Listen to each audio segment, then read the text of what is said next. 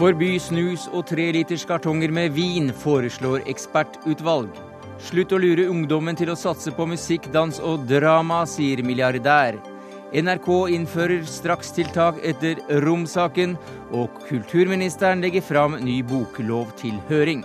Slik blir det debatter av i Dagsnytt 18.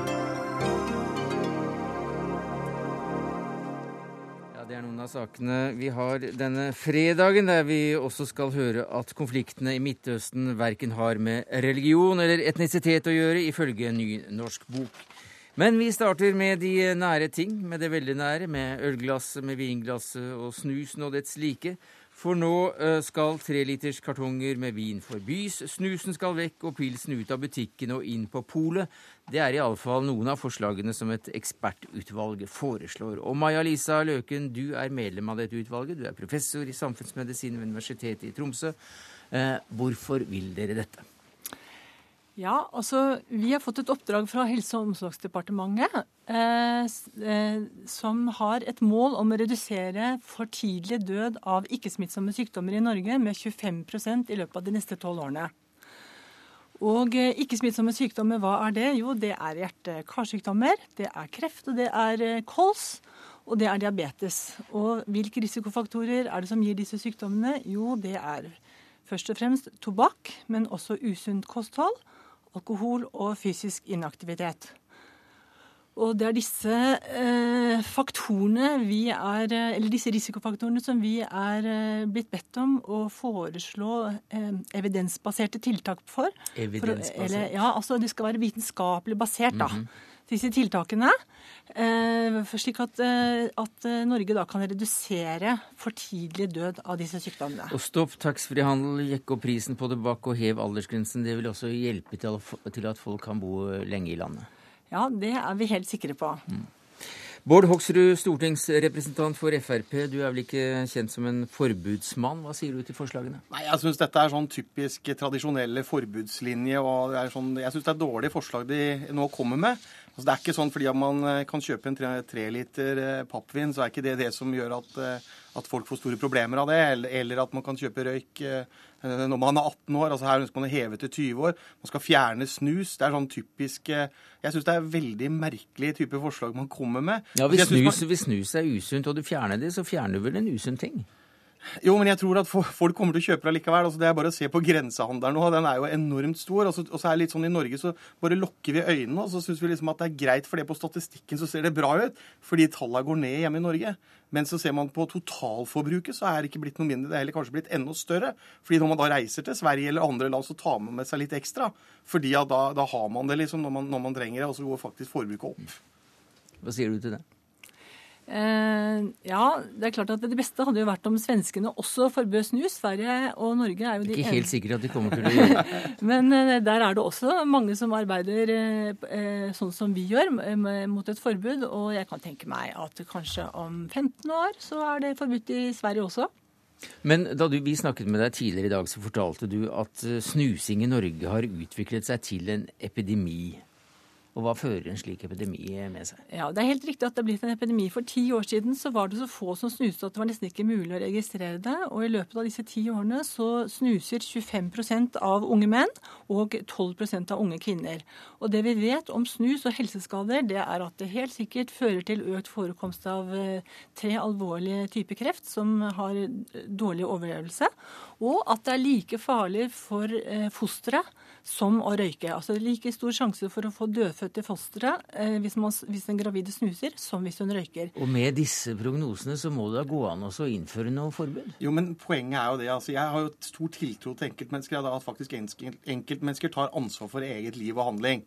Og det er altså sånn at noen ønsker å røyke, noen ønsker å snuse.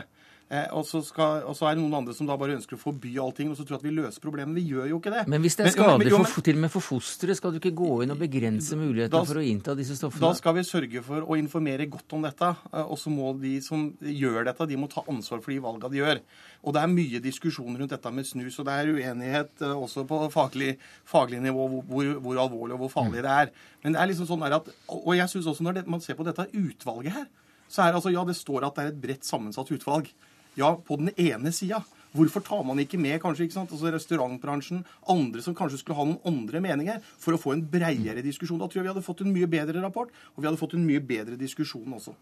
Men det er det ikke utvalgsmedlemmet her som må svare Nei, på. Men Kjersti Toppe, du er nestleder i helse- og omsorgskomiteen for Senterpartiet, og du fikk i sin tid eh, litt eh, ja, Du fikk rett og slett så øra flagra du da du åpnet for å forby pappvin i fjor sommer. Hva sier du til dette? Nei, jeg syns at uh, det er bra uh, det som utvalget kommer med. Det er jo vitenskapelig baserte tiltak. Det kan jo ikke Frp underslå. Og vi må jo tåle å ha en debatt i Norge på folkehelsetiltak som er vitenskapelig basert. Dette er jo òg et arbeid som skjer Verdens helseorganisasjon. Og alle som følger med på folkehelseområdet, så er disse tiltakene og forslagene de, de kommer med, ingen overraskelse. Men f.eks. da forby både snus og kutte ned vinkartongstørrelsen. Er, er, er, det veldig relevant? Mm. Eh, nei, først sier at Det er jo ikke bare forbud som blir foreslått. Utvalget foreslår òg én times fysisk aktivitet i skolen og frukt og grønt til hele grunnskolen og videregående skole, som er forslag som Senterpartiet kjemper for. Men det er jo disse restriktive forslagene på, på røyk og alkohol som får stor oppstandelse. Men vi må jo tåle en debatt. Vi vet jo at alkoholforbruket har jo økt eh, veldig veldig. Eh, vinforbruket har blitt dobla på 20 år, og halvparten vi, vi ikke bare tåler en debatt, vi, også, ja. vi, vi tar en debatt også. Vi, vi tar debatt, og Det er kjempebra. Jeg syns det er interessant det Kjersti Toppe sier nå, dette med fysisk aktivitet. Vi har fremma forslag om det i Stortinget. Det er altså ikke blitt vedtatt. Dette med frukt og grønt er veldig gode tiltak. Så det er ikke sånn at Frp er imot alle de tiltakene her. Og selvfølgelig er alkoholmisbruk det er ikke bra. Men det, altså, det, er, det går an å ha et normalt forhold til dette uten at det er skadelig for den enkelte. Men hva sier du til at dokumentasjonen er så overveldende? Og dette utvalget har altså lovt å basere seg på, på, på vitenskapelig godt begrunnede eh, analyser. Jo, og det, er, og det, som jeg sier, at misbruk er ikke bra. Og det er altså bra å sørge for å redusere forbruket. Men da må vi jo gjøre det mot der hvor vi altså bør legge inn skytset. Nemlig, nemlig mot de unge, for å hindre at de begynner å røyke. For å hindre at de begynner å drikke. Og det er altså sånn for meg Når jeg går inn i Vinmonopolet, så kan jeg fint gå ut igjen uten å kjøpe noe. Og, og om det er en treliter eller en énliter, spiller ikke noen rolle. Så du er vindusshopper noe... på Vinmonopolet? Nei, ikke veldig ofte det, men jeg sier at det, det, er ikke noe problem. altså Det er fullt mulig. Og sånn tror jeg de aller fleste mennesker har det på samme måte som når du går inn i dagligvareforretningen. Jeg er gammel dagligvaremann. Så er det ikke sånn at jeg må kjøpe med eh, sigaretter eller tobakk. Eller, eller, snus for den saks skyld. Det går veldig fint å gå inn i butikken og gå ut igjen. Men du, hva da med å gå inn i en butikk og ikke kunne kjøpe den pilsen som eh, det vel er dokumentert at det skader ganske mange, og særlig ungdom, men at du må på polet? Nei, Jeg tror at det, altså, jeg syns at det også er sånn formyndergreie, og de får tak i det uansett. Så det er altså sånn at jeg tror ikke det blir noe mindre av det fordi om man flytter det til, til Vinmonopolet. Tror du det, Toppe? Eh, nei, Når jeg hører på Frp, eh, så må jeg få si at eh, de har jo en helt utdatert helsepolitikk. Denne politikken hadde passa for 40 år siden i Norge, og ikke for det utfordringsbildet vi i dag har med livsstilssykdommer. Når de sier at de skal gjøre det enklere å ta individuelle valg, så er det jo pussig at de da vil ha vårt vodkareklame på fjernsyn inn i stuene til folk, og de vil selge sprit i dagligvarebutikker ved sida av melk og brød, og de vil la kommunene få skjenke alkohol døgnet rundt. Så dette henger jo ikke i hop. Eh, men Frp har jo valgt eh, å ikke ha en folkehelsepolitikk. Mm. Men jeg syns at vi skal Et øyeblikk, det, nesten, det, det, det, er en utfordring som ligger i det. Jeg syns det er helt fantastisk å høre på toppen nå. Altså, Fremskrittspartiet er opptatt av å forebygge, vi er opptatt av å, å, å gjøre de tinga der. Men vi har også en helt annen tro på mennesker da, enn det Senterpartiet Senterpartiet og Kjersti Toppe har. Vi tror faktisk at mennesker klarer å ta gode og kloke valg, eh, og vi tror på enkeltmennesket. og Derfor ønsker vi ikke forbudslinja. Og vi har altså sett de gangene vi har hatt forbud, så har altså ikke eh, forbruket blitt borte. Det har bare blitt ordna på en annen mm. måte. Maja Lisa Løken, eh, som medlem av utvalget og professor i samfunnsmedisin ved Universitetet i Tromsø, så ga du altså da, og, og komiteen din, utvalget ditt, eh, Jonas Gahr Støre disse forslagene i dag. Hva sa han? Han syns at det var veldig bra. Eh, han har også et, en visjon om et uh, tobakksfritt uh, Norge, men han har ikke gitt noe årstall for når han ønsker at Norge skal være tobakksfritt. Vi har foreslått f.eks. For 2040. Finland har gjort det. Vi syns at vi må ikke være noe dårligere enn Finland. Han, men det som han også sa, da, at, denne regjeringen de kommer ikke til å forby salg av snus. Så det, får jo da bli til fremtiden. Og en annen ting som han sa, på direkte spørsmål fra en i pressen, det var at de kom ikke til å redusere størrelsen på kartongene. Og det er jo noe som bekymrer oss, fordi vi ser i Norge det er at eh, spesielt vinforbruket øker, har økt proporsjonalt med at kartongstørrelsen har økt, og at tilbudet om denne pappvinen har økt. Mm. Da får vi se om eh, det å fjerne pilsen fra butikken og få den inn på polet er en god valgkampsak for Arbeiderpartiet. Takk skal du uansett ha, Kjersti Toppe, nestleder i Nei, ja, til deg, Kjersti Toppe, nestleder i helse- og omsorgskomiteen. Maja Lisa Løken i utvalget, går til deg, Bård Hoksrud, stortingsrepresentant for Frp. Så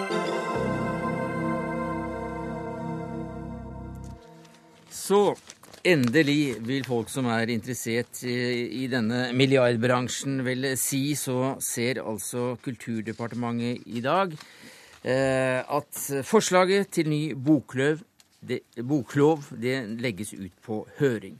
Og hvorfor er det så viktig med en ny lov nå, kulturminister Haja Tajik? Noe av det viktigste med en eh, boklov, det er jo å sikre leserne tilgang på alle mulige typer litteratur over hele landet. Så er det òg eh, med på ved at det lovfester fastprissystemet gjør det eh, sånn at forfatterne jo konkurrerer på like vilkår når bøkene deres kommer ut. Så tilgjengelighet sånn at, og forfatterne, er det Det er i hvert fall primære utgangspunktet. Mm. Men så er det jo klart at en sånn lov òg gir muligheten for å regulere markedet på en sunn måte, sånn at man unngår at enkeltaktører misbruker sin markedsposisjon. Og Da tenker jeg særlig på store bokhandlere og store forlag. Men hva går da forslaget ut på?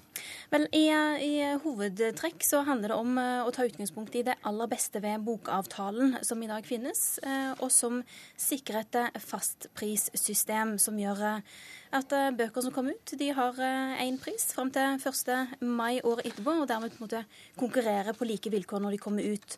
Men så er det et viktig tillegg som vi hører utover bokavtalens system.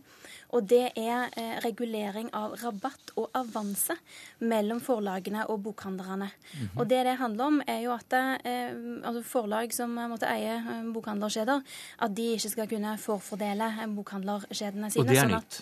Det er nytt. Og det er også grunnen til at vi hører ulike modeller. Altså Vi hører en modell med et rabattak, modell, en modell uten eh, et rabattak. Og også, eh, så ønsker vi også synspunkter på om eh, den type rabattregulering ikke er en del av loven.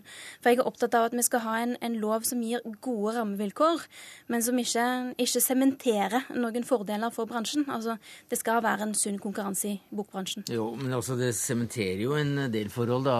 Bok, altså Forlagene er jo ganske glad for dette her. og og smiler hele veien til banken.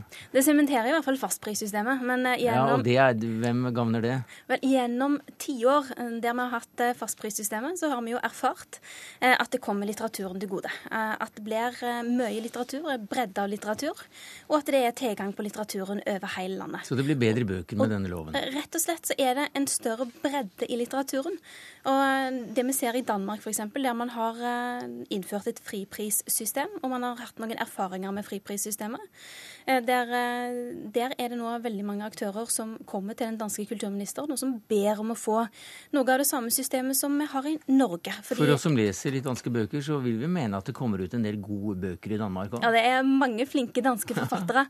det er det jo ingen tvil om. Men eh, fastprissystemet, sånn som det har fungert i Norge gjennom veldig mm. mange tiår, viser at det gir gode litteraturpolitiske resultater. Ivar Tronsmo, du har fartstid fra en rekke organisasjoner i bransjen, og du har fartstid fra en legendarisk bokhandel i Oslo. Du driver nå eget forlag, eh, Monstro. Hva sier du til dette, dette høringsforslaget? Ja, jeg, jeg åpner for flere alternativer som uh, Tajik var inne på. Men det viktigste synes jeg er at det åpner for å holde e-bøker utenfor fastprisen. Og for meg så er jo det såpass viktig at uh, hvis det blir resultatet, så vil jeg være ganske fornøyd. Rimelig mhm. fornøyd med bokloven. Jeg har nemlig opplevd bokloven som uh, en lov som skal demme opp nettopp for det. for e-bøker. Mm. Og at det er en lov som vil forfordele bokhandelkjeder og papirbøker. Men, men, så hvis den, de holder det utenom loven gjør, gjør, ikke det? Jo, den åpner for to alternativer. Det åpner for at uh, fastpris skal gjelde alle bøker, eller bare papirbøker, og at e-bøker da blir fripris. Uh, hvis det blir resultatet av loven, så er jeg rimelig fornøyd med bokloven. Uh, jeg tror dessverre ikke det blir tilfellet, fordi jeg syns resten av høringsnotatet er gjennomsyra av det motsatte. Altså at det er eh, for å beskytte bokhallen. Det står bl.a. i høringsnotatet at eh, en viktig målsetting er å, å, sikre nei, opprettholde et landsdekkende bokhandlernett, f.eks. Og det står gjentatt flere ganger i det høringsnotatet at det er en viktig målsetting ved loven. Ja, Hva er galt med det?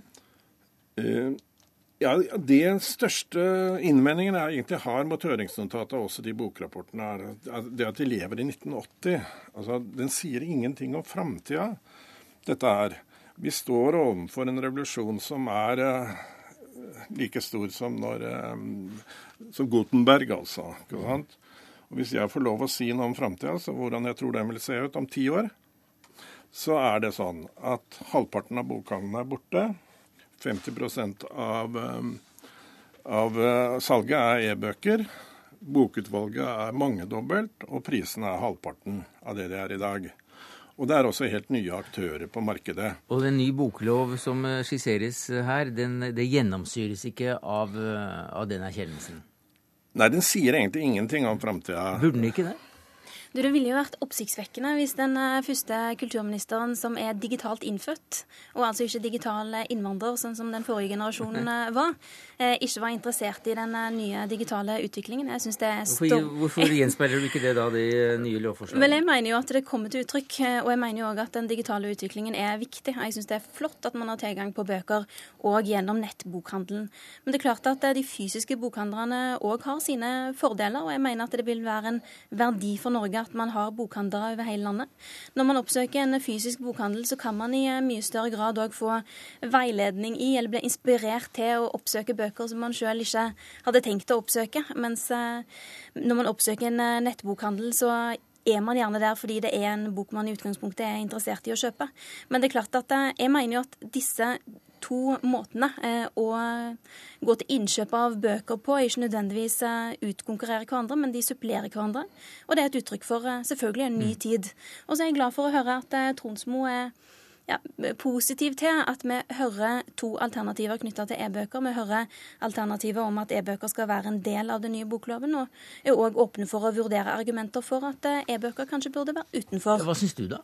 Du, altså Grunnen til at jeg har sendt ut begge alternativene, er jo fordi jeg ikke har bestemt meg. Så jeg går inn i dette med et eh, åpent sinn. Men du hører åpen... hva Tronsmo sier, selv om han da er glad for at det er to alternativer som man kan ta stilling til, så er det ene alternativet er nok uh, mer eh, feitere streker under enn det andre. Han sier at det er gjennomsyret eh, av dette synet at eh, e-bøker ikke skal være med. Du, Tronsmo er en veldig bra mann, han. Men jeg vet jo, jo at det er ikke det. Men jeg vet jo at det er òg veldig mange andre aktører som mener noe helt annet enn det han gjør. Og det som er bra med denne høringsrunden, det er jo at de ulike aktørene får brynt seg på hverandre. Mm. De ulike argumentene får brynt seg på hverandre, og så skal jeg trekke mm. en konklusjon. Men hvorfor er det så farlig hvis at e-bøkene eventuelt ikke kommer med her? Det er flere grunner. Jeg, jeg, lurer på om en av grunnene til at det er et alternativ at det ikke er med, er at det er egentlig helt umulig med fastpris på e-bøker, vil jeg spå. Altså, Hvordan tenker man seg da f.eks. streaming av bøker? Hva er fastpris da?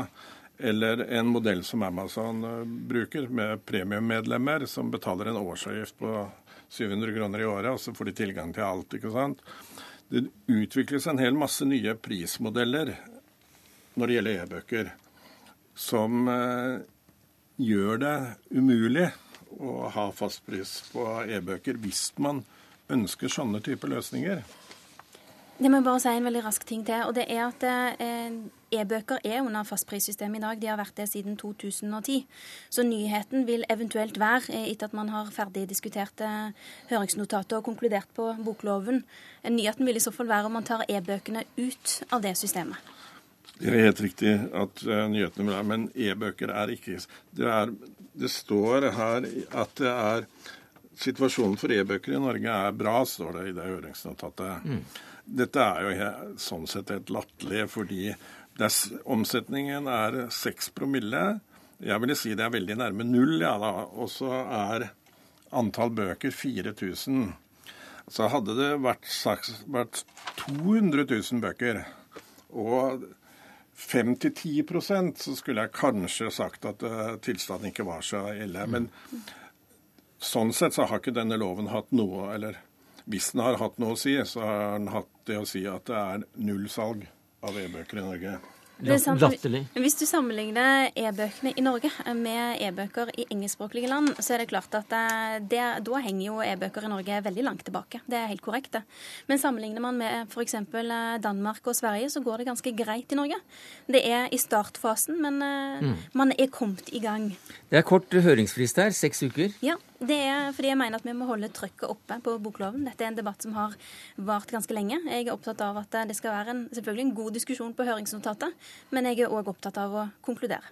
Fordi eh, til høsten er det valg? Til høsten er det valg. Det er en rød-grønn regjering som vil være garantisten for mm. Eh, en eh, boklov som sikrer sunne rammevilkår for bransjen og god litteratur til folket. Og da haster det kanskje litt? Det haster litt, men det er klart at når en rød-grønn regjering er en garantist for dette, så håper jeg jo òg at ja, at man slutter opp om det. Takk skal du ha, Hadia Tajik, kulturminister, og takk til deg, Ivar Tronsmo, du er forlegger. Vår kulturkommentator her i NRK heter Agnes Moxnes, og hva sier du til dette? Ja, jeg er eh, nok eh, egentlig ganske sikker på Eller jeg er nok enig med Ivar Tronsmo når han sier at dette er en lov som i hovedsak ønsker å opprettholde et svært godt system som vi har i Norge har, vi leser mer bøker enn de fleste og eh, er på topp eh, når det gjelder omsetning av bøker. Så det er nok et ønske om at man skal fortsette å ha et sånt system. Spørsmålet er jo om man kan eh, gjøre det med hjelp av lover. Men det er også et land der, der det leses lite e-bøker? Ja, det leses eh, ekstremt lite e-bøker. Og, og den nåværende ordningen har jo fått en del av skylda for det. Ja, og eh, ikke bare ordningen, men man kan vel se at forlagene, de store forlagene i Norge, som også eier de store bokhandlene, ikke har hatt noe særlig å tjene på at det omsettes eh, e-bøker. Så de har nok satt bremsene på. De har ikke vært dynamiske når det gjelder utviklingen av e-bøker i Norge, men de er i farta, for de har fått klar beskjed fra både denne kulturministeren og den forrige at de må henge på i svingene og følge med i utviklingen. Men her har vi også eh, et hørings... Ikke notat, men et forslag som legges ut i høringen med to Uh, ulike konklusjoner, så å si. Ja. Og det er ikke helt vanlig. Hvorfor, hvorfor, gjøres det? Og det sier nok, nok litt om at dette er en veldig vanskelig sak for Hadia Tajik, rett og slett. Uh, ikke bare i forhold til bransjen, men også i forhold til regjeringen, bl.a. i spørsmålet om e-bøker, om man skal liksom fast, ha, fortsette å ha fastpris på e-bøker eller ikke. Eh, denne bransjen er jo ikke bare en kulturbransje, det er jo også en kommersiell eh, bransje.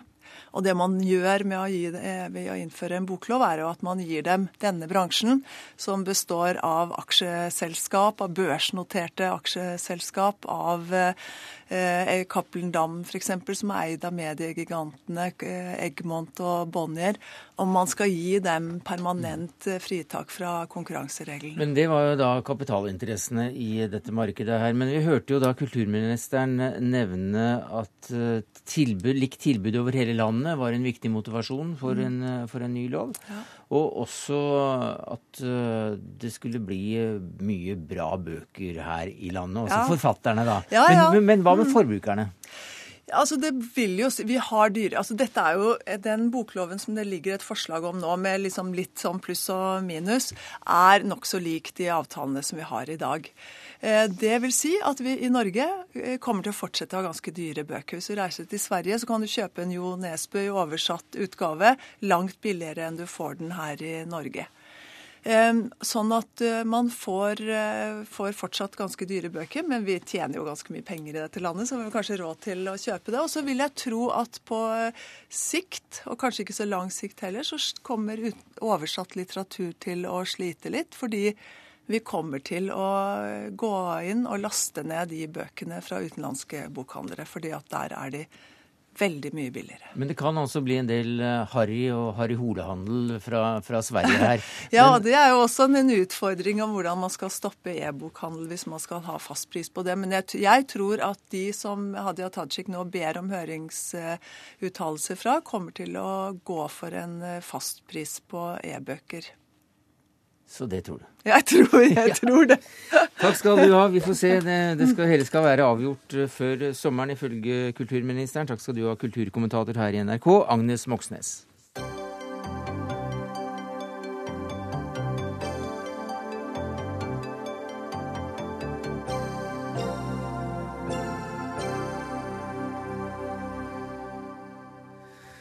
Ja, 12. januar så sendte altså Dagsrevyen en reportasje om en uh, romkvinne som sitter fengslet i Norge, uh, der det var utelatt at kvinnen er dømt for medvirkning til tvangsekteskap og voldtekt av sin egen datter, blant annet. Og siden dette ble kjent, så har uh, jo kritikken skylt over NRK-ledelsen i større og større bølger. Kritikken har ikke bare gått på selve feilvurderingene, at en slik reportasje ble laget og sendt, men også på at NRK-ledelsen ikke straks gikk ut og beklaget, at de beklaget for lite, og noen mener at hoder bør rulle, andre forlanger full åpenhet om hva som skjedde og motivene bak feilvalgene. Nå i ettermiddag har NRK-ledelsen lagt fram sju strakstiltak. Hva tenker dere å gjøre, Per Arne Kalbakk, du er programdirektør i NRK? Ja, er, vi har jo jobbet med en plan for disse tiltakene gjennom uka. Og det vi forsøker å gjøre, er å innføre tydelige og konkrete tiltak som skal gjøre oss bedre på de områdene hvor vi selv mener at vi ikke har vært gode nok.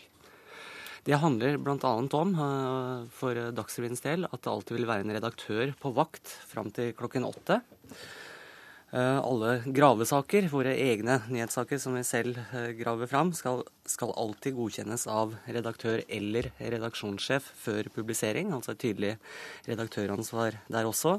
Og at uh, i hverdagen så skal presseetikken være et fast punkt i all evaluering av programinnhold og journalistikk i NRK. Det var tre? Det var tre. Det var de tre viktigste i hverdagen. Og hvis du vil jeg skal ta lista, så kan jeg også gjøre det. Eh, vi har også fått kritikk for at vi ikke er åpne nok, ikke lytter til eh, kritikk og innspill utenfra. Jeg syns nemlig det punktet også var ganske viktig. Ja, absolutt. Eh, de er viktige, de er viktige alle sju. Vi vil ha fast og systematisk evaluering av det vi gjør fra folk utenfor NRK. Det kan være dyktige presseetikkfolk som, som Per Edgar Kokkvold, Gunnar Bodal Johansen, mm. redaktører som Jon Arne Markussen, Torry Pedersen, mediekommentatorer som Svein Egil Omdal. og andre som er sunt kritiske til NRK. Nå prøver du å ta litt brodden av den kritikken som eventuelt måtte komme, men vi får se hvordan det går. Men det var da fem eh, tiltak, du har to igjen? Ja, eh, så eh, har vi gått gjennom etikkopplæringen vår. Vi har et utmerket etikkregelverk og et etikkutvalg som jobber med dette i NRK. Men vi har ikke vært tydelige nok i hvordan vi får det ut. Mm. Så innen 1.6 skal alle redaksjonelle medarbeidere i NRK delta i en gjennomgang av det etiske regelverket for å øke bevisstheten bevisstheten rundt dette. Og eh, så skal vi også lage et helt nytt opplegg for alle nye medarbeidere som skal få etikken inn med morsmelka og få en mm. bedre og tydeligere etikkopplæring.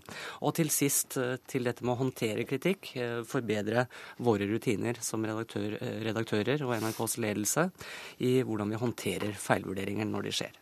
Sven Egil Omdal, du var nevnt her som mediekommentator i regionaviser som du er nå, og tidligere PFU-leder. Du har uttalt deg svært skarpt om denne saken. Og da NRK-ledelsen kom med sine forrige tiltak for en, for en ukes tid siden, rutiner skulle skjerpes, bevisstheten rundt metodebruk osv.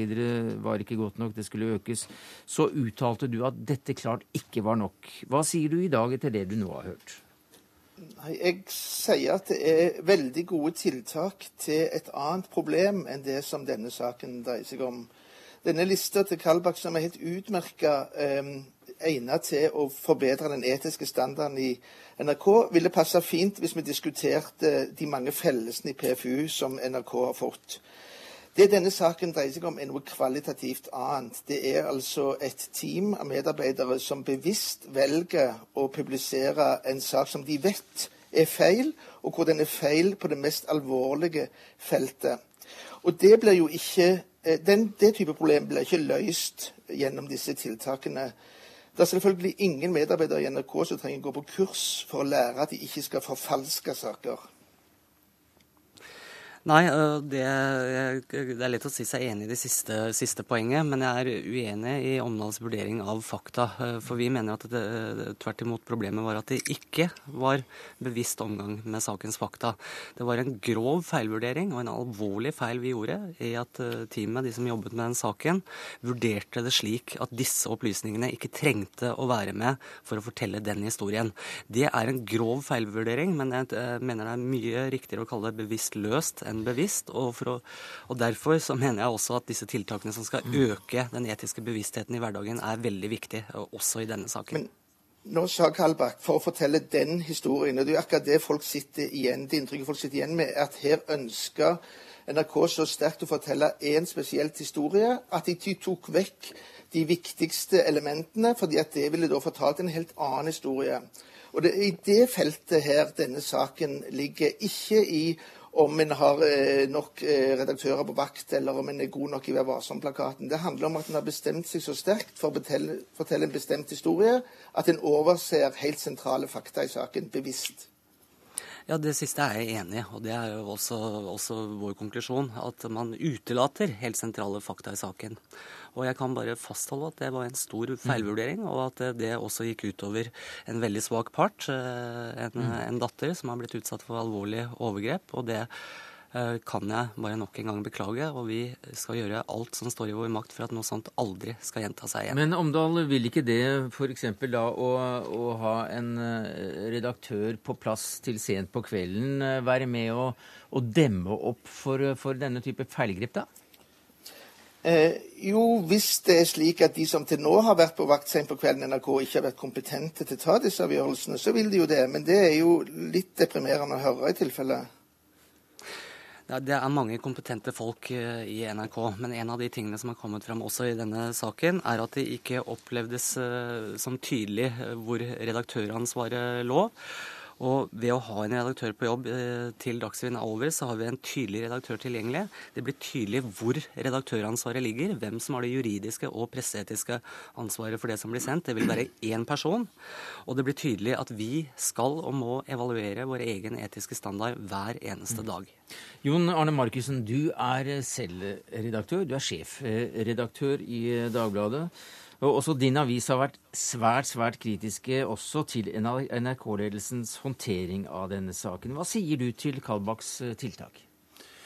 Ja, Hvis vi nå tar Kalbakk på ordet og sier at dette er tiltak som skal eh, gjøre ting bedre, eh, så er dette en konkretisering, og det er for så vidt bra tiltak. Men det første spørsmålet du stiller deg når du ser tiltakene, det du lurer liksom på hva i all verden har man drevet med til i dag?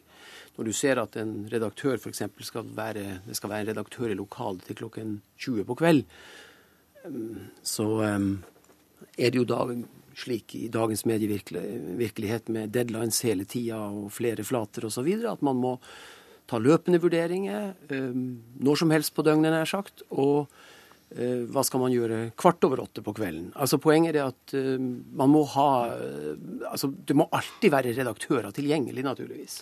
Ja, og det er viktig for meg å si også, og det er det selvfølgelig også i dag. Det er ikke slik at ingen av disse tingene skjer i dag, men vi må være tydelige for å sikre oss at det skjer hver dag. Jeg får nesten daglig oppringninger på, på kveldstid om etiske dilemmaer. Det gjelder også redaktørene og redaksjonssjefene i nyhetsavdelingen. Og, og det er jo ikke sånn at vi ikke evaluerer etikken vår, men uh, dette, uh, vi må gjøre det helt tydelig at dette skal vi gjøre hele tiden. Og så er det sånn at Dagsrevyen er, uh, er den mest sette nyhetssending, den mest brukte nyhetstilbud i Norge. Det er vårt flaggskip, det har en veldig sterk posisjon blant folk. Og det omdømmet har nå fått en alvorlig ripe i lakken, og da må vi vise at vi tar det på alvor ved å ha den aktive, tydelige, tilstedeværende redaktøren på desken hver dag. Eh, jeg ser at punkt nummer to her, og det er antagelig det nest viktigste punktet, da, det går på det at eh, alle gravesaker skal godkjennes av redaktør eller redaksjonssjef før publisering. Eh, det er en av de tingene som får meg til å si hva i all verden har man drevet med til nå? Altså et graveprosjekt som på mange måter må underlegges den mest alvorlige vurdering fra idé, fra hypotese, til du diskuterer metode, kildekritikk, kostnadsramme, hvordan, ja, simpelthen hvordan du skal arbeide med dette her, det må man jo ha en løpende vurdering av. Eh, så jeg, Det er derfor jeg stiller spørsmålet hva i all verden har man drevet med til i dag? Jeg er helt enig i det også. Og så er det faktisk det er regelen. Eh, at de skal vurderes av, av redaktør. Men, Men hvordan, finnes, hvordan, finnes, hvor, hvorfor finnes, er det da nye tiltak, en del av de nye tiltakene, hvis det allerede er et tiltak? Eller fordi, hvis det allerede fordi, er en praksis? Fordi det, da, fordi det, da, ikke har vært gjennomført 100% og det finnes dessverre mm. tilfeller hvor dette ikke har skjedd, selv om det har vært prosjekter det har vært jobbet det, med i lang tid. Hvis jeg bare får kan tilføye der at det, det som jeg kanskje tror det som man skal være litt på vakt mot her, og som man kanskje har sett gjennom denne saken, er at uh, det er noe med kanskje noen holdninger og et selvbilde i NRK som man bør ettergå og tenke igjennom. Hvilke selvbilde da? Nei, Jeg tror det går på det at man um, føler seg litt sånn overlegen. Um, man, um, i, når det gjelder troverdighet, det man gjør her, uh, det kan man stole på, osv. Um, kanskje er det slik at det har utvikla seg en del kulturer knytta til en del programposter, f.eks., som gjør det at man Hvilke programposter er det du tenker på? Nei, Det tenker jeg på f.eks. Brennpunkt kan hende har noe av dette her. Det kan også hende at man, man har jo gravejournalister som jobber frem saker mot Dagsrevyen. Altså, og Det er jo bare å se på en del av de mm. sakene som NRK har fått i PFU de siste årene. Ukultur? Det øh, er ikke umulig at det kan være et element eh, i det. At man har en sterk posisjon og derfor blir selvtilfreds. Jeg skal være åpen for at, at, det kan være en delforklaring. At dette skjer ubevisst, og at man da begynner å, å bli for nonsjalant i, i, håndverket. Og det, det, har vi ikke råd til. Men så vil jeg jo si at jeg kan garantere at det selvbildet ikke er spesielt høyt akkurat nå for tiden. Dette er en alvorlig tankevekker for oss. Eh, den eh, rammer dypt inn i kjernen av vårt kritiske samfunnsoppdrag. Og dette må vi jobbe knallhardt hver dag, hver uke, hver måned framover med i mange år for å gjenvinne den tilliten vi har tatt med denne saken. En av de saken. sterkeste kritikerne eh, mot denne saken, det var jo da Jon eh, Hustad, som eh, var her forrige fredag, og som møtte deg i studio til en debatt. Men en annen er jo da Andreas Wiese i din avis Dagbladet, Markussen. Vi prøvde å få tak i han, men vi fikk ikke det. Så jeg er innkalt som reserve? Du er innkalt som reserve. Men han skriver jo da blant annet altså, Én ting er jo at dette ikke burde skjedd, at det burde vært kvalitetssikret på, på en på en annen måte. Men han eh, forlanger jo da å, å få vite eh, hvordan prosessen var fram til eh, at man offentliggjorde eller sendte dette, dette innslaget. Han spør om journalisten hørte for mye på en forsvarsadvokat for kvinnen som vil ha saken gjenopptatt, om reportasjer av dette formatet har lånt for mye av fiksjonens malerskrin osv. Hva sier du til det? Jeg sier at det aldri må være tvil om at balansen er ivaretatt, og at alle relevante fakta er med i de reportasjene vi lager. Og vi kan ikke gjøre annet enn å sikre oss at det alltid uh, skal være på plass i fremtiden. Men han er ute etter å, å få vite fullt innsyn i prosessen? Mm. Ja, men da kan jeg bare svare som jeg har sagt eh, flere ganger før, og det er mange som ber om det. Men det er viktig for meg å si at redaktøransvaret det er helt og absolutt. Det er NRKs eh, redaktører som har det juridiske og presseetiske ansvaret for det vi sender. Hvis vi begynner å peke på dem under oss, så uthuler vi det redaktøransvaret. Vi skaper utrygge journalister, og da får vi til slutt journalister som ikke tør å lage kritiske saker. Det er den ene siden av saken. Men la oss få en kommentar på det først, Markussen. Ja, nei, altså, Jeg har jo uh, sans for det overordna som Kalbakk sier, om at det er vi redaktører som står ansvarlige for det vi gjør. Men denne saken er såpass spesiell og så foruroligende i sitt vesen ved at den i det hele tatt kan komme så langt og faktisk gå på lufta, at det er det, er den, det, er den, det, er det som skremmer. Hva sier du til, til Leomdalen? Omdal? Jo, altså jeg sier at hvis denne her, hvis en annen institusjon hadde gjort noe som lignet på dette, politi eller et sykehus, så ville Dagsrevyen vært blant de som krevde et innsyn i prosessene. Ikke nødvendigvis navnene på hver enkelt person som var involvert, men hvordan saken var behandla i systemet, hvordan det ble så galt. Ja, hvor detaljert mener du man bør være her, da? Jeg mener f.eks. kan vi få vite hvorfor denne sto på kjøreplanen to dager før denne ankesaken skulle opp. Var, var dette en del av et plan for å påvirke en rettssak? Eh, hvorfor ble disse sakene, disse viktige elementene utelatt? Hvem tok den beslutningen? På hvilket nivå ble den tatt? Og hvilke konsekvenser tar organisasjonen innad av at noen bevisst har handla på denne måten? Ja, eh, Når det gjelder timingen, så er det eh, langt fra uvanlig. Det er snarere hele regelen at man lager nyhetssaker i forbindelse med aktuelle hendelser, f.eks. Eh, en ankesak som kommer opp. Men ikke Men, saker som framstår som et defensorat for den tiltalte? Det er jeg enig i, og det går igjen på kvaliteten av den saken, som var av en slik karakter at den aldri skulle vært sendt. Og så er det sånn at når det gjelder alt dette med konsekvenser for de som har jobbet, og eh, jeg tror ikke man kommer særlig langt med å ikke bruke navn, for alle de navnene har vært ute allerede. Ja, og det er men, mange som mener at, ikke mange, men det er noen som til og med mener at hodet bør, bør rulle her. Ja. Jeg ser at uh, journalisten, altså uh, fagforeningens eget blad her til journalistene, de er vel de som går lengst. Ja, det har jeg også fått med meg. Og jeg kan bare si at eh, ja, jeg er redaktør og har et redaktøransvar, men jeg er også leder, jeg har ansvar for mine medarbeidere. Og jeg vil aldri sitte i offentligheten og diskutere hvilke eventuelle konsekvenser feil skal få for noen. Men man kan i hvert fall si det, altså, det sies ofte at denne saken skulle aldri vært kjent. Og da er vi tilbake til dette med gravesaker og videre, og dette med ressursbruk. Poenget mitt er at denne saken skulle antagelig aldri vært påbegynt. For det, det, dette er ikke et godt nok prosjekt. Heller ikke hvis man har en politisk agenda. Dette er kontraproduktivt. Det er politisk agenda? Ja, hvis, hvis man, ja, fordi at dette var en så vinkla sak i seg sjøl. Og man utelukker fakta for antagelig for å få frem et spesielt politisk bilde. Uh, ja, jeg mener at det ikke er forklaringen. Jeg mener igjen at forklaringen er at vi sviktet kapitalt i håndverket, i, i grunnleggende vurdering av, av, fakta i en sak. Og jeg er helt enig med Markussen i at den saken burde vært stoppet på et langt tidligere tidspunkt. Ja, for Omdal, det er vel da slik at uh, Vær varsom-plakaten, og jeg har den foran meg her, paragraf 2.1, der, der står det veldig klart at redaktøren har det personlige og fulle ansvar for mediets innhold. Og dermed Hvis du har den foran deg, så kan du vel lese 2.5 òg, da? Nei, jeg har ikke den 2.5 foran meg. Nei, for der står det nemlig at det er opp til den enkelte medarbeider òg å verne om sin troverdighet. Og det gjelder i dette tilfellet både reporter og vaktsjef, som skal verne om sin troverdighet.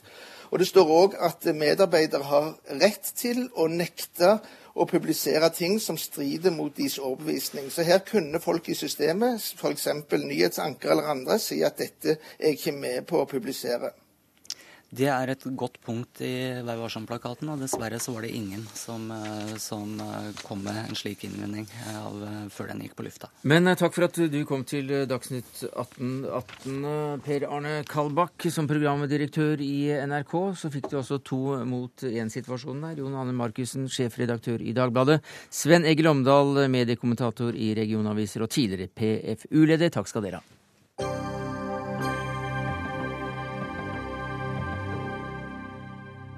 Jeg sitter her med 509 eh, sider om konflikt og stormaktspolitikk i Midtøsten. Hilde Henriksen Våge, hva slags bok er dette? Det er um, en veldig annerledes bok enn det jeg har skrevet noen gang før. Ja. For de andre bøkene mine, som også har skapt uh, betydelig uh, debatt og bråk Ja, Mye glede for Dagsnytt 18s lyttere. Ja, ja, ja. Jeg har vært her mange ganger. De har på en måte gravd dypt i et tema. Men denne boka her har gjort noe så eh, ambisiøst og skummelt som å prøve å dekke Midtøstens historie ja. eh, de siste hundre år. Du, det er litt skummelt. Ja, ikke bare siste hundre år. For du, begynner jo, du begynner jo med eh, ja, du, Moses og, ja, og kong David og, og, kretsen rundt her. Eh, og du er også ute etter eh, å ta livet av en del myter om, eh, om disse konfliktene og årsakene til dem. Mm -hmm. Hvilke er de viktigste? Eh, I, I, den offentlige debatten i dag, i Norge og i, i den vestlige verden hvor vi bor, så er det noen myter som vi klarer å få vekk, og så er det noen som stadig går igjen. Det er et veldig sterkt fokus, syns jeg, på all dekning fra Midtøsten på religion.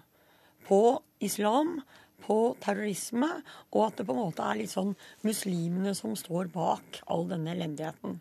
Samtidig så er det også et veldig fokus på, eller et inntrykk skapes av, at det er liksom konflikt mellom religionene.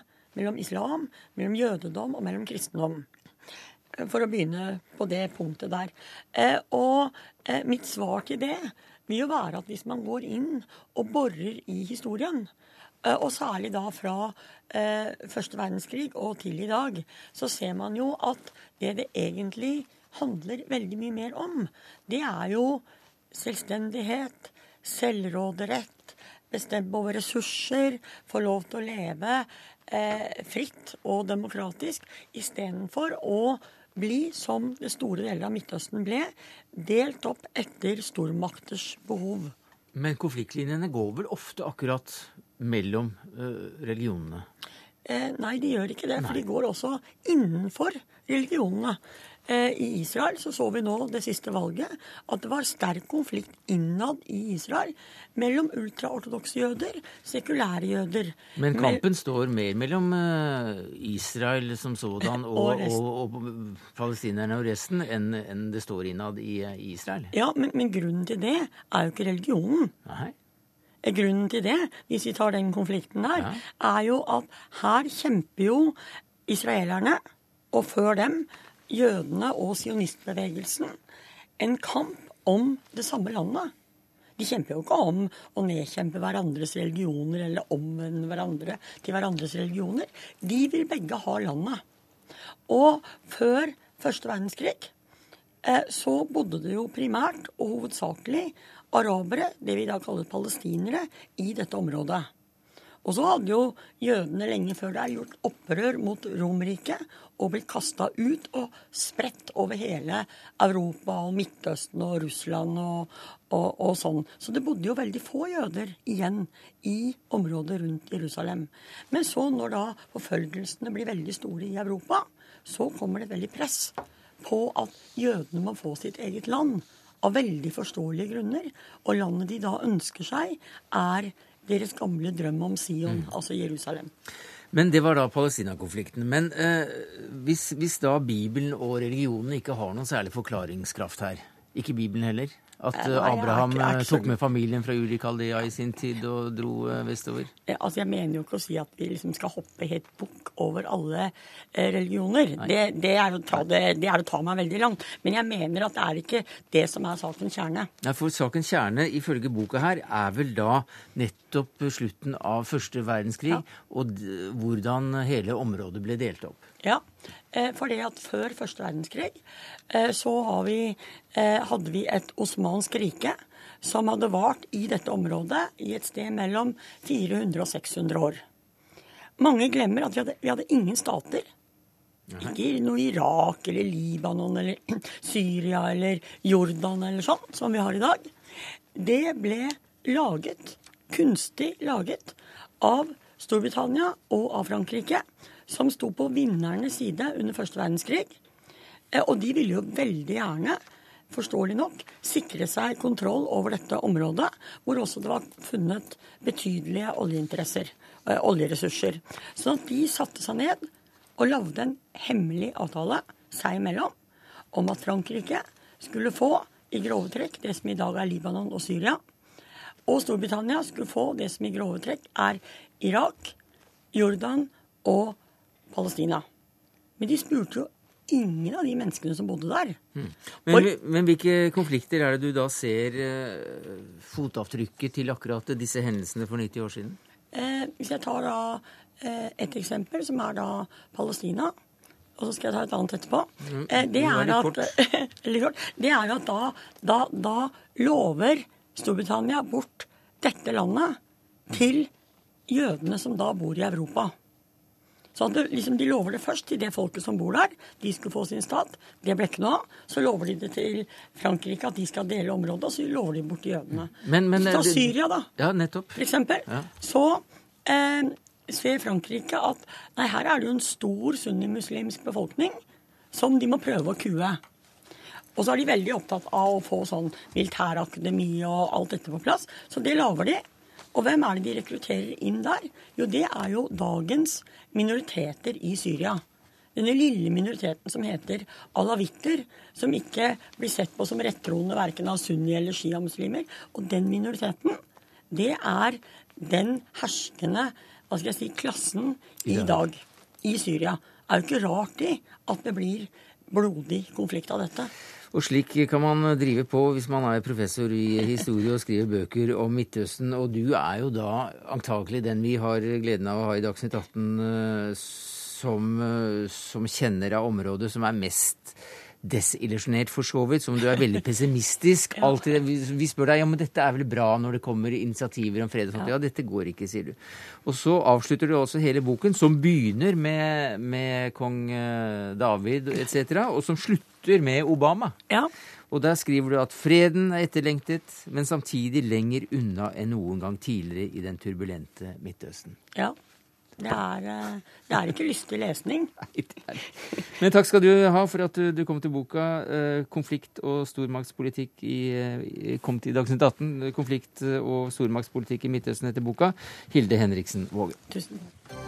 Hør Dagsnytt 18 når du vil, på nettradio eller som podkast. nrk.no – dagsnytt 18.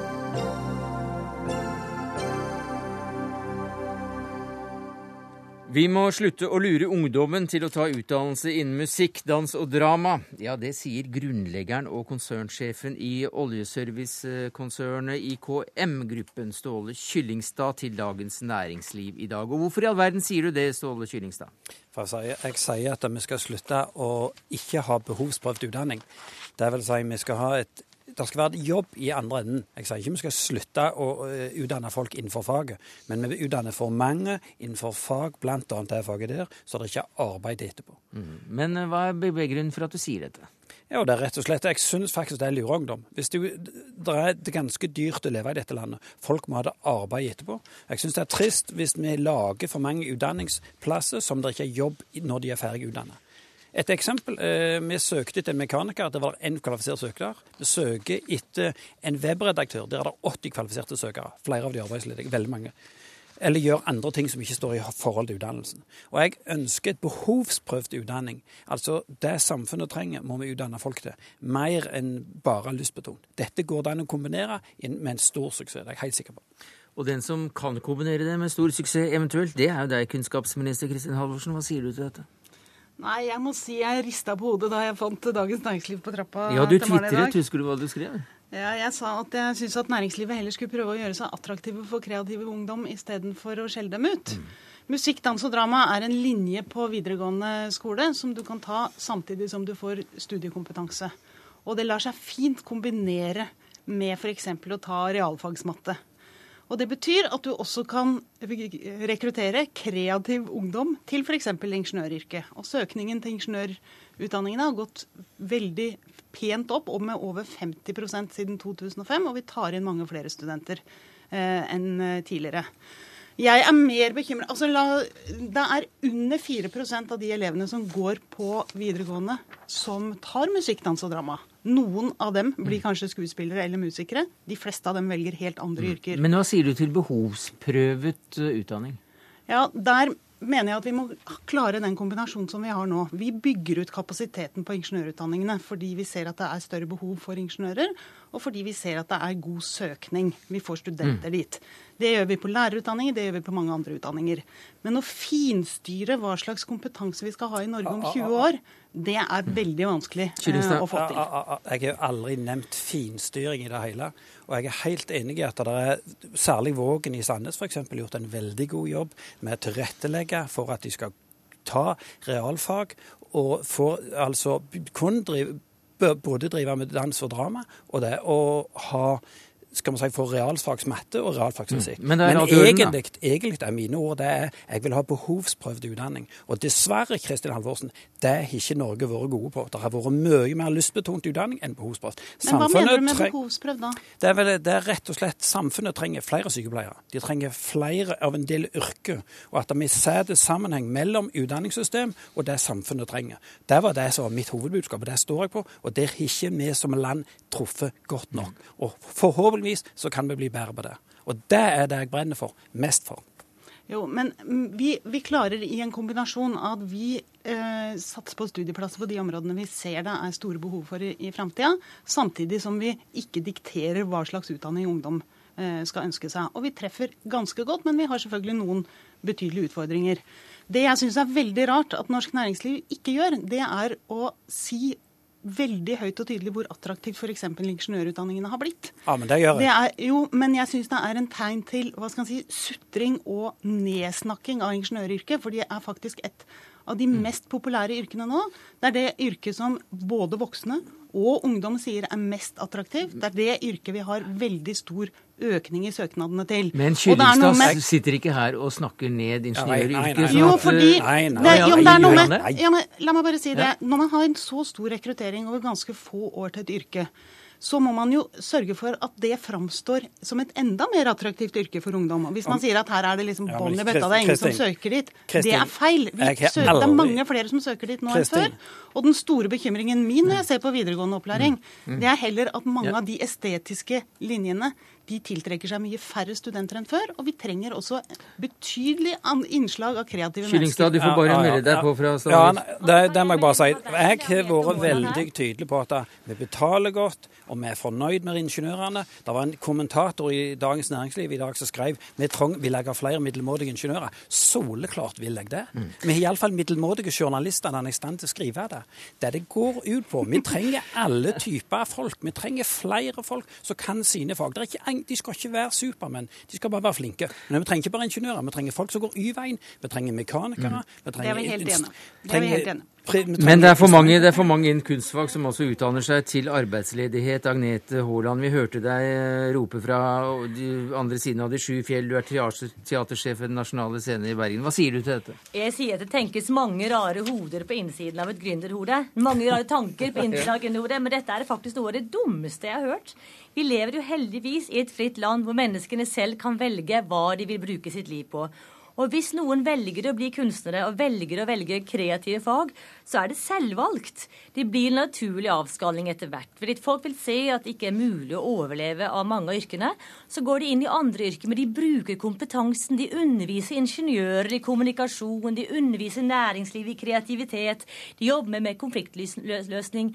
Så vi har jo mange kunstnere som måtte ikke nødvendigvis er kunstnere hele livet, men som bidrar med kompetansen i andre ting. Og som trengs. Ja, men jeg Og tror, som må, trengs. jeg tror vi må gå tilbake til det som Egil snakket om. Jeg har ikke sagt vi ikke skal ha kunstnere. Jeg har ikke sagt vi ikke skal ha folk med alle de gode egenskapene som både musikere og kunstnere har. Men du Men er mener at staten du mener at man lures til feil utdannelse? Ja, jeg vil ha at det rett og slett et sammenheng i Norge. Nå går vi ned valgår. Og jeg ønsker en sammenheng mellom utdanningsinstitusjonene og det landet trenger. Altså trenger vi mer av de forskjellige yrkesgruppene, klarer å identifisere dem.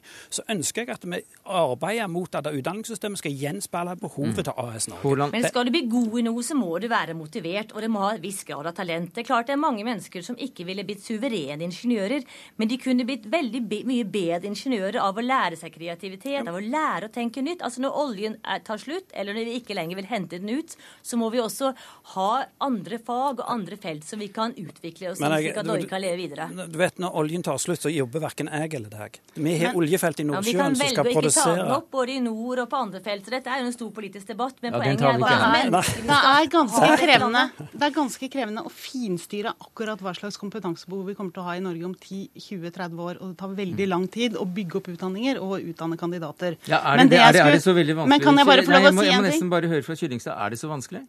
Eh, jeg Det vet ikke faktisk jeg mer om enn han. Ja, Og det tror jeg. Men det er jo derfor jeg, det er derfor jeg sier vi med en gang begynner å legge til rette, sånn at vi treffer på utdanningsinstitusjonene i forhold til hva AS Norge trenger. Jo, men det er nettopp det. Det er- fins ingen fasit, nøyaktig fasit med to streker under om hva vi trenger. Men det jeg syns Det jeg virkelig skulle oppfordre om at man gjør, det er å beskrive ingeniøryrket og realyrket eller realutdanningene som mer kreative enn det jeg opplever at mange gjør. fordi at altså, det fins fint fint godt marked for ingeniører som også er gode i musikk. Mm. Eller som kan ta seg en svingom. Mm. Eller som på andre måter kan kombinere å være kreative. Og det er det de lærer hvis de tar videregående på Ja, musikk, og og da må man altså kunne danse og synge litt ja. på plattformene også. Takk skal eh, du ha for at du ble med på dette, Ståle Kyllingstad, Agnete Haaland og Kristin Halvorsen. Det var det vi rakk eh, denne uka, takket være Siri Storstein Hytten, Karl Johan Rimstad. Jeg heter Sverre Tom Radøy.